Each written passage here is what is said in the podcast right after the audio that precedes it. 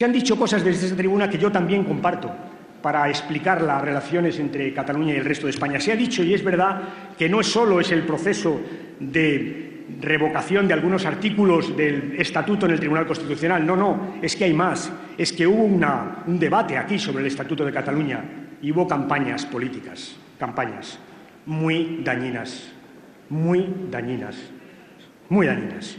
Y después ha habido leyes con las que nosotros estamos de acuerdo porque son también dañinas. Es verdad. Y hay algo más que conviene mencionar desde esta tribuna. Hay una crisis económica que es evidente que está en el fondo de, una parte de la tensión territorial que vive nuestro país. Y aquí se han escuchado algunos discursos muy claros en esa dirección.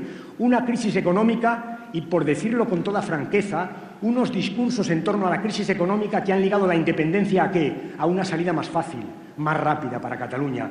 Este discurso que hemos oído aquí a mí me suena y a todos los señores diputados de esta Cámara nos suena.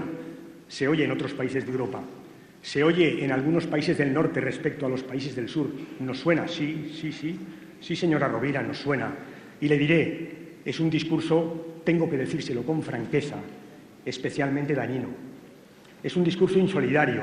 Y le voy a decir más, en términos económicos, en una economía global como la que vivimos, es un discurso sin ningún fundamento económico racional.